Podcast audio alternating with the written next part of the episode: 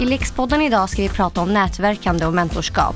Proffsnätverkaren Kenneth Hellem är en av dem som är här för att hjälpa oss ta reda på varför nätverkande är så viktigt. Camilla Ljunggren är också här. Hon är före detta UF-elev och uppfann Pluring.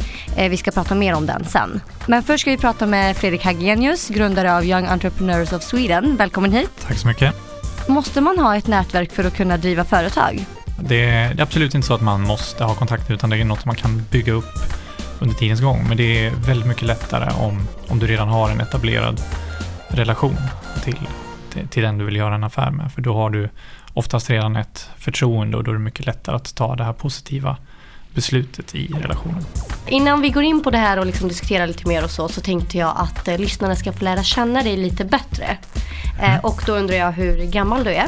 Jag är 29 år. Vart kommer du ifrån? Eh, jag är född och uppvuxen i Nyköping. Sen har jag flyttat runt lite grann och nu senaste tre och ett halvt åren till Stockholm. Och här kommer en lite halvskum fråga. Hur är du klädd idag?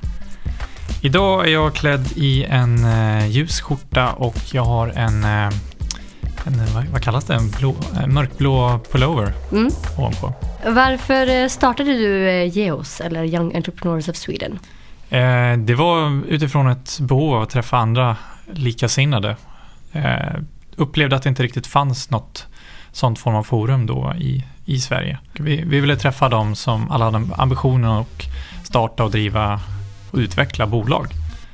Eh, och vi var 22-23 år gamla då eh, och kände några få som hade gjort det men visste att det fanns många fler.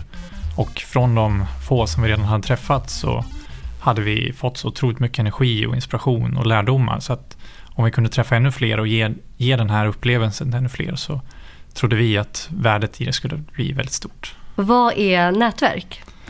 Eh, ja, ett nätverk, det kan ju vara, i det här sammanhanget så kan det både vara en organisation som, som samlar en viss grupp av människor, eh, som Young Entrepreneurs of Sweden eller eh, UF-alumni. Eh, men det kan också vara ditt personliga nätverk, alltså alla människor och relationer som du har omkring dig. Alltså din familj, dina vänner, bekanta, tidigare klasskompisar. Men du kan också, har också ett utökat nätverk. Alla som du kan nå genom dina vänner, din familj och alla. Eh, som du på något sätt kan komma i kontakt med. Det är kontakter alltså. Det är kontakter. Mm. Och varför är det viktigt att ha kontakter då? Eh, det kan, de kan hjälpa dig på alla möjliga olika sätt. Eh, det kan vara alltifrån att du får att de öppnar en dörr någonstans. Eh, du får den här arbetsintervjun eller eh, ett möte med en potentiell kund av något slag. Men det kan också vara att de ger dig konkreta tips på hur du kan göra för de kanske har gjort något liknande innan. Mm. Så att ja, dörröppnare skulle jag vilja säga är en enkel förklaring. Kenneth Hellem är också här. Han är bland annat investerare i startups. Och jag tänkte att jag skulle fråga dig hur gammal du är. Jag är 34 år gammal. Och vad gör du för någonting? Ja, som sagt så investerar vi i startups i ett väldigt tidigt skede. Mm. Vi hjälper bolag som bara har en idé, som kanske har ritat något eller har en tanke den skulle ta till marknaden. Så vi investerar cirka 100 000 kronor i dem. Så det är man ska komma till om man har en jättebra idé? Ja, det hoppas jag ni gör. Ja. Var kommer du ifrån? Som du hör så bryter jag lite på norsk. Mm. Jag är um, född i Oslo, mamma är från San Francisco. Så jag är väl en mix av de senaste åren. Jag bodde i sju olika länder. Sju olika länder? Okej, okay, så du har kanske en blandad dialekt då? Mycket blandad dialekt. Vi ja. brukar kalla det svorsk. Och hur är du klädd idag? Idag har jag på en uh, mörkblå skjorta uh, som visar det professionella konsultande uh, och en hoodie som visar min anknytning till startup-världen. Jag läste lite om dig och det stod någonstans att, jag vet inte om det här stämmer, men det stod att du själv inte trodde på nätverkande förut. Inte alls. Nej. när jag började min karriär så tyckte jag nätverkande var fult. lite smutsigt. Okej, varför då? Nästan som om man försökte att lura någon. Försökte att sälja på någon de, de inte behövde. Och jag tänkte väl, ja, tidigt i min karriär, jag var ung, jag var kaxig, jag skulle bevisa att jag kunde själva. Och jag behövde ingen andra. Så de tre första åren i min karriär så hade jag ingen nätverk alls. Okej, men vad, vad var det som fick dig att ändra dig? Jag fick ett nytt jobb. uh, jag fick min första managerroll på ett uh, bolag som heter Axholmen. Där uh, jag plötsligt var ansvarig för försäljning. Jag var tvungen att gå ut och sälja konsulttjänster. Och då måste man ha nätverk? Jag hade ingen som ville köpa konsulttjänster. Jag hade ingen som var ansvarig för de budgeten. Och ingen som kunde rekommendera mig när jag först fann någon som var ansvarig. Det gick jättedåligt. Vad gjorde du då? Jag satte mig ner med min mentor, min dåvarande chef. eh, och diskuterade det här. Han sa, men Kenneth, jag vill att du ska eh, göra en ting. Jag vill att du ska börja checka lunch. Varje uke, och vi sätter hela en bonus på det här. Som eh, ung konsult så är bonus viktig. Sätter hela din bonus på det det är det enda som betyder någonting. Varje uke ska du ut och checka en lunch med en person du inte känner. Men du får inte sälja i den här lunchen. Okej. Ja, det var lite min reaktion. Okej, Ja. inte sälja. Jag trodde syftet var att sälja. Ja, lite frågande känner jag mig här. Ja, nej, men han sa det att eh, syftet med nätverkande är inte att sälja. Jag vill, att du, jag vill att du ska eh, snacka med den här personen och förstå de tre viktigaste tingen i den persons liv. What keeps you up at night? Vad är det i din personliga relation? Vad är det på jobb som är svårt? Och verkligen grava och förstå vad är viktigt för de här människorna. Och sen efter mötet så vill jag att du ska eh, ta tag i det. Förstå, finna ett sätt var man kan eh, hjälpa. Ge någonting. Det kan vara att ge ett råd eller skicka en länk till en artikel du läst i tidningen eller eh, koppla personen med någon annan. Men aldrig ta, aldrig förvänta något tillbaka. Bara ge, ge och ge. Och det funkade? Det året så åkte jag för nästan 5 miljoner kronor eh, som var långt över mitt sales target. Okej, det funkade. Och, och idag ska jag säga att jag inte en lunch per vecka men jag kör kanske 10. Eh, Tio luncher per vecka? finns inte så många luncher i min kalender så jag att köra frukoster, jag kör fikar och promenader. Och det är det jag får absolut mest ut av, både personligen och eh, professionellt. Så du, det verkar som att du rekommenderar det här till typ alla? Om jag får en rekommendation, check en lunch. Du behöver inte planera, du behöver inte göra som mig, men, men bok en lunch med en person. Förstå vad den personen behöver och hjälp den personen. Om det funkar så kommer du vara inspirerad att köra nästa. Mm. Och hur eh, skapar man ett nätverk på bästa sätt då? Långsamt ska jag säga. Långsamt, det tar tid att bygga upp. Men eh, försök att förstå vem du skulle vilja nätverka med, vem du skulle vilja lära från, bli inspirerad av. Men hur säljer man in sig själv då? Hur gör man för att den personen ska känna, ja ah, men okej då, jag går ut och käkar lunch med dig. Väldigt ofta rekommendationer via andra. Eh, Jag har också haft mycket success via LinkedIn. Om jag ser att någon har kollat på min profil så skickar jag direkt ett mail och säger hej, jag ser du stalkar mig på LinkedIn. Vi ska inte ta en lunch istället. Jag har aldrig fått ett nej på den frågan. Är det sant? Kul. Folk vill träffas. Ja. Man ska inte vara rädd. Skicka ett mail, säg hej, skulle jättegärna vilja lära från dig, bli inspirerad av dig. Folk älskar att snacka om sig själv så det, det, det är bara att köra på. Det är tricket alltså, får de prata om sig själva så känner de sig mer uppskattade och vill liksom ställa upp på det här. Ja, samtidigt som det är också syfte. Mm. Du vill förstå om dem, du vill lära om dem, du vill bygga en relation. Och det är vad nätverken är för mig. Vi har en till gäst här, en tredje och det är Camilla Ljunggren. Hej! Hej, Eh, jag tänkte att vi skulle fråga dig hur gammal du är också jag är 31. och vad gör du för någonting? Jag har grundat ett företag som eh, säljer en produkt som heter Pluring. Eh, som kom från ett UF-företag för 15 år sedan. Och idag så är det ett eh, företag som exporterar världen över. Och det är samma grundidé som var när du hade UF-företaget. Det är samma grundidé. Kul att det gick så långt och så bra. Mm. Vad är pluring för någonting då? Pluring är en liten rund cylinderformad hängare med fyra gummiflikar i mitten. Och där kan du trycka in din disktrasa eller din handduk eller något annat som du vill hänga upp som du kanske inte har en ögla på. En lite fiffig lösning på saker som ligger och hänger överallt typ. Precis. Vart kommer du ifrån? Jag kommer från Stockholm. Och hur är du klädd idag? Ja, vad har jag på mig? Jag har en grå kjol. Sen har jag ett par bruna prime boots och en vit tröja. Nej, jag tänkte bara på just det här när det gäller pluring då och att det var ett UF-företag. Ehm, tror du att du hade liksom kommit igång med den här idén på riktigt också om inte UF fanns till för dig? Nej, det hade jag nog förmodligen inte. Eh, och anledningen till att jag valde UF, det var egentligen inte för att jag ville bli företagare. Visst, det var för att ekonomi kanske var bra att ha, ha läst lite, för det kan man applicera på mycket. Men i, den själva anledningen var egentligen att det var den kursen som gav mest poäng. Eh, och det här var i andra året på gymnasiet. Och eh, tredje året på gymnasiet så är alla studentskivor, så då vill man ju vara ledig ganska mycket. Så jag ville läsa så många poäng som möjligt i trean, eller i tvåan. Eh, och det, det var egentligen det som gjorde att jag valde UF-företagande. Men sen när jag väl var inne i det så fick man ju en helt annan typ av feedback än vad man får i, i skolan annars. Man fick ju feedback från riktiga kunder som uppskattade det man gjorde på ett annat sätt än vad ett betyg är. Och då var jag fast. Så entreprenörskap det är ju absolut det roligaste som finns. Hur använder jag mitt nätverk om man ska vara lite mer konkret? Alltså vad gör jag med det? Rent konkret kan det vara till exempel som för mig när jag blev chef för första gången. Eh, då stod jag inför en utmaning, hur ska jag hantera det här? Hur, hur gör jag nu? Och då har man, ha, hade jag hunnit börja bygga på mitt nätverk så då kunde jag ringa upp någon som kunde det här med att vara chef och fråga om hjälp. när jag stod inför en situation som jag inte visste hur jag skulle hantera.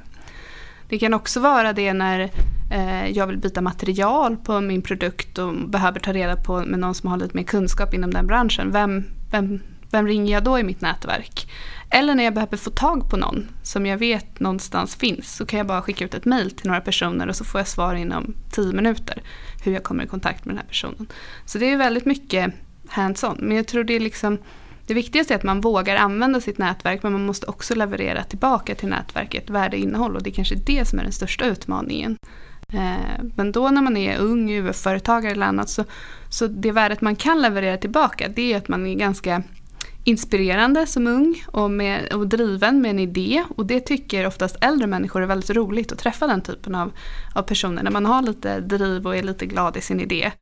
Om man är flera i ett företag, eh, då tänker jag till exempel på den här filmen The Social Network som handlar om Facebook. Mm. Eh, där skaparen, eller grundaren kan man väl säga, Mark Zuckerberg har kontakt med en som heter Sean Parker. Mm. Som är Napster-grundaren också. Mm. Och Mark känns ju mer som en lite så här lite nördig, tillbakadragen typ som inte riktigt orkar med någon annan än sig själv. typ. Mm. Eh, och sen så är Sean Parker den här jättesociala människan som alla vill vara med. Han går ut på klubbar och han känner massa folk och han har pengar och bla bla. Då är, gör ju han jobbet åt Mark. Han går liksom ut och fixar de här mötena. Han eh, har redan kontakter från Napster-företagandet om man är flera i ett företag, kan man ha en person som gör jobbet åt en eller måste allihopa vara utåtriktade?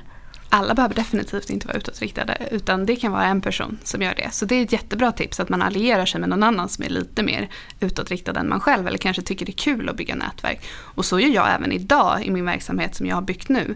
I den så har jag tagit in olika typer av människor som gillar olika saker och tillsammans kompletterar vi varandra på ett fantastiskt sätt och bygger nätverk utifrån det. Och sen så kan de vid tillfälle då introducera dig till det här nätverket på ett sätt som gör när det passar dig och när du känner att du behöver en, en väg in i ett nätverk.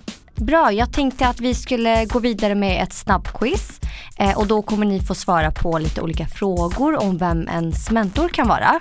Eh, Kenneth, jag tycker att vi kan börja med dig. Eh, kan min kompis vara min mentor? Ja, det tycker jag. Varför? Din kompis kan ha erfarenheter som eh, du inte har. Han kan være spesialist inom et område. Så om man isolerer vekk kompisrelasjonen, så kan man ha en eh, professionell mentor i sin kompis. Mm. Nästa fråga går till Fredrik istället då. Kan min mentor vara min mamma? Absolut. Jag tror det är ganska vanligt faktiskt att på olika områden att man har sina föräldrar som, som mentorer. Och så är det väldigt mycket när man växer upp. Är de som lär en hur man ska leva och sen någonstans där lyssnarna är nu så börjar man lite tidigare kanske, börjar man bryta sig loss från deras eh, levnadssätt. Men det finns ingen risk för att hon ska vara lite snäll och tycka synd om en och inte våga se sanningen riktigt? Nej, om jag utgår från mina föräldrar så, så har jag väl fått höra både bra och dåligt. Så jag tycker jag har fått en ganska ärlig uppfostran. Eh, men sen är det klart, sen finns det vissa föräldrar som kanske är lite väl beskyddande och det kan man ju se på Idol till exempel där de fått höra att de är väldigt duktiga på att sjunga. Bra exempel. eh, vad tycker du Camilla, kan eh, min mamma vara min mentor? Nej, det tycker jag inte. Eller det är klart det går, allt går. Men jag tycker om du vill ha ut så mycket som möjligt av ditt mentorskap så ska du välja någon du inte eh, känner på det sättet, inte någon i din familj. Jag tror att du kommer få ut mer av ditt mentorskap om du tar någon som du kanske ser som en förebild eller som en kompis pappa eller något sånt. För att det är ju så att familjerelationer är familjerelationer. Eh, men det beror på vad du ska ha ditt mentorskap till. Men du har ju oftast alltid dina föräldrar där på något sätt, eller syskon eller kompisar eh, redan från början. Så jag tycker att du ska försöka hitta någon annan som du kanske inte redan är kompis med eller släkt med. Kan min mentor vara min lärare? Absolut. Um, en mentor för mig är vem som helst som kan vara en rollmodell, någon som kan inspirera. En förebild. En förebild, precis. Mm. Kan min mentor vara en kändis?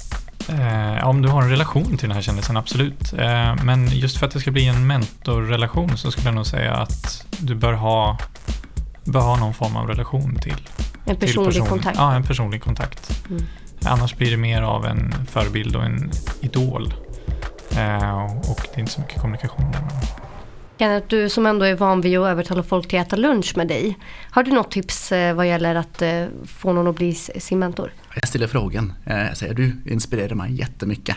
Jag gillar dig som person, jag skulle vilja lära från dig. Skulle du vilja inleda ett mentorförhållande? Och så har vi en dialog, vad betyder det?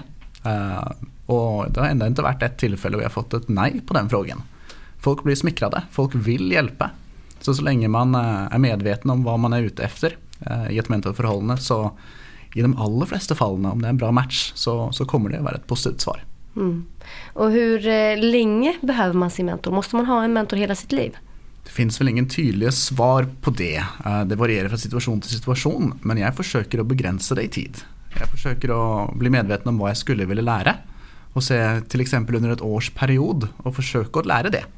Får man gå förbi det när man har lärt det man ville lära så blir det kanske att man bara träffas för att träffas. Eh, och då tappar eh, mentorskapet lite värde. Eh, hur ser ett mentormöte ut? Det kan vara väldigt kort. Det kan vara ett par minuter, det kan vara ett telefonsamtal. Men det kan också vara en längre en lunch till exempel, om man sitter och pratar om lite allt möjligt egentligen. Kan man få råd på sms? Man kan få råd på sms, herregud, jag har jättemånga råd på sms. Printscreena. ja, Nej, men lite så. Alltså, för ofta så uppstår en situation, bara, oh, hur gör jag nu? Och då kan det vara väldigt bra att bolla det här med, med en mentor till exempel. Det kan vara så att du i ditt jobb ställs inför en utmaning som du kanske inte vill ta med din chef. Och då kan det vara väldigt bra att skicka iväg ett sms och bara hur, hur gör jag nu? Eller kanske du, i en mejlkonversation där du hamnar i en liten konstig situation så kan det vara så att nu vet jag inte hur jag ska hantera det här. Så skickar man bara vidare den konversationen och så får man lite input på hur, hur tar jag det här vidare och ser vad som händer nu och så kan man bolla lite. Eh, så absolut, det kan vara små saker men det kan också vara att man diskuterar ja, livet. Men man kan också ha olika mentorer för olika saker och det tror jag är väldigt viktigt. Jag har vissa mentorer som jag använder bara rent professionellt i, i vissa typer av frågor. Och sen har jag andra mentorer också professionellt som jag använder i helt andra typer av frågor. Och sen så har jag kanske några som jag bollar med privata saker med. Och det där tror jag är viktigt också, att man, man kanske inte ska låsa sig vid en mentor utan man kanske ska ha flera. Eh, och sen det, det var intressant det du sa över tid Kenneth.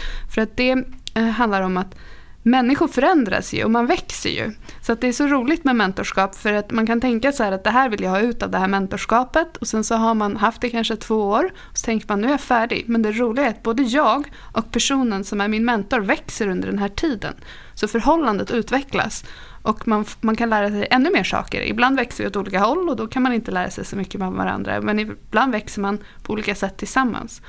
Och det trodde jag när jag var eh, ung och gick på gymnasiet. Att liksom, när jag har min mentor, han är ju vuxen, han är ju klar. Han blir, det blir väl inte så mycket mer. Han kan det här och det är ungefär det han kommer kunna.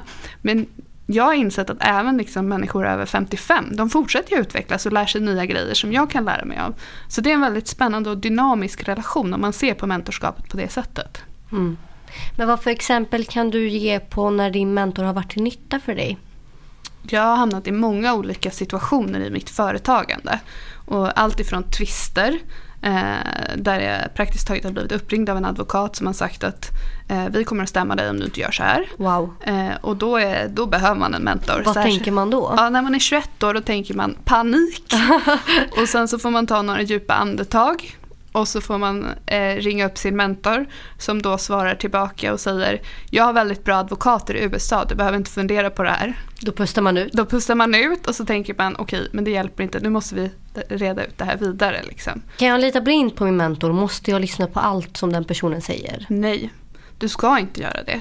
Utan du ska eh, forma din egen bild av de olika åsikterna.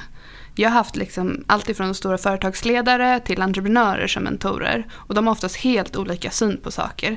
När jag skulle anställa eh, människor i en ny verksamhet jag hade startat så ville jag verkligen att det skulle bli rätt team från början.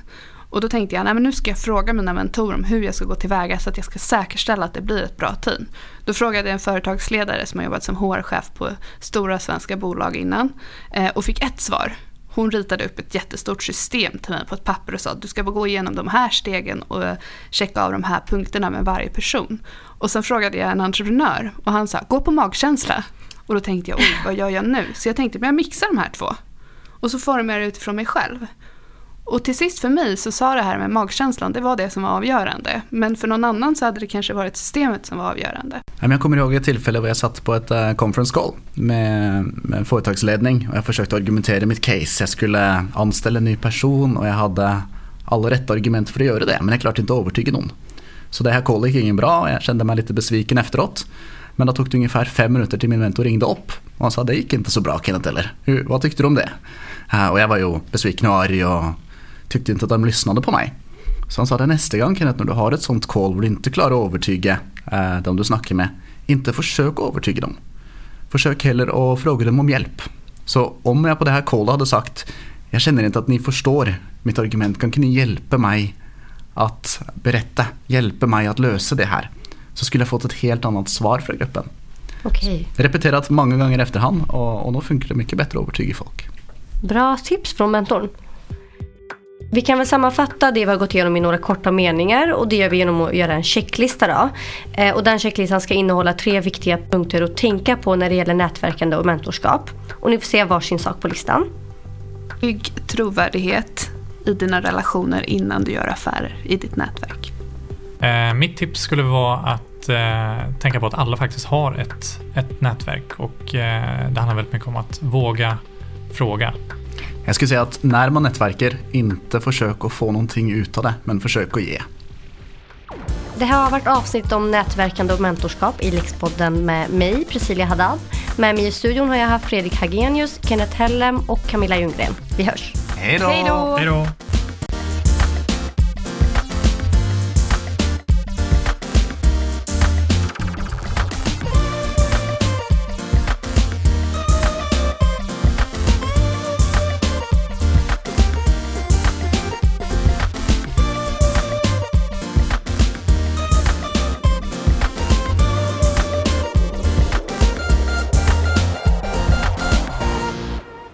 Företagsamhets poddradio Lexpodden produceras av Association.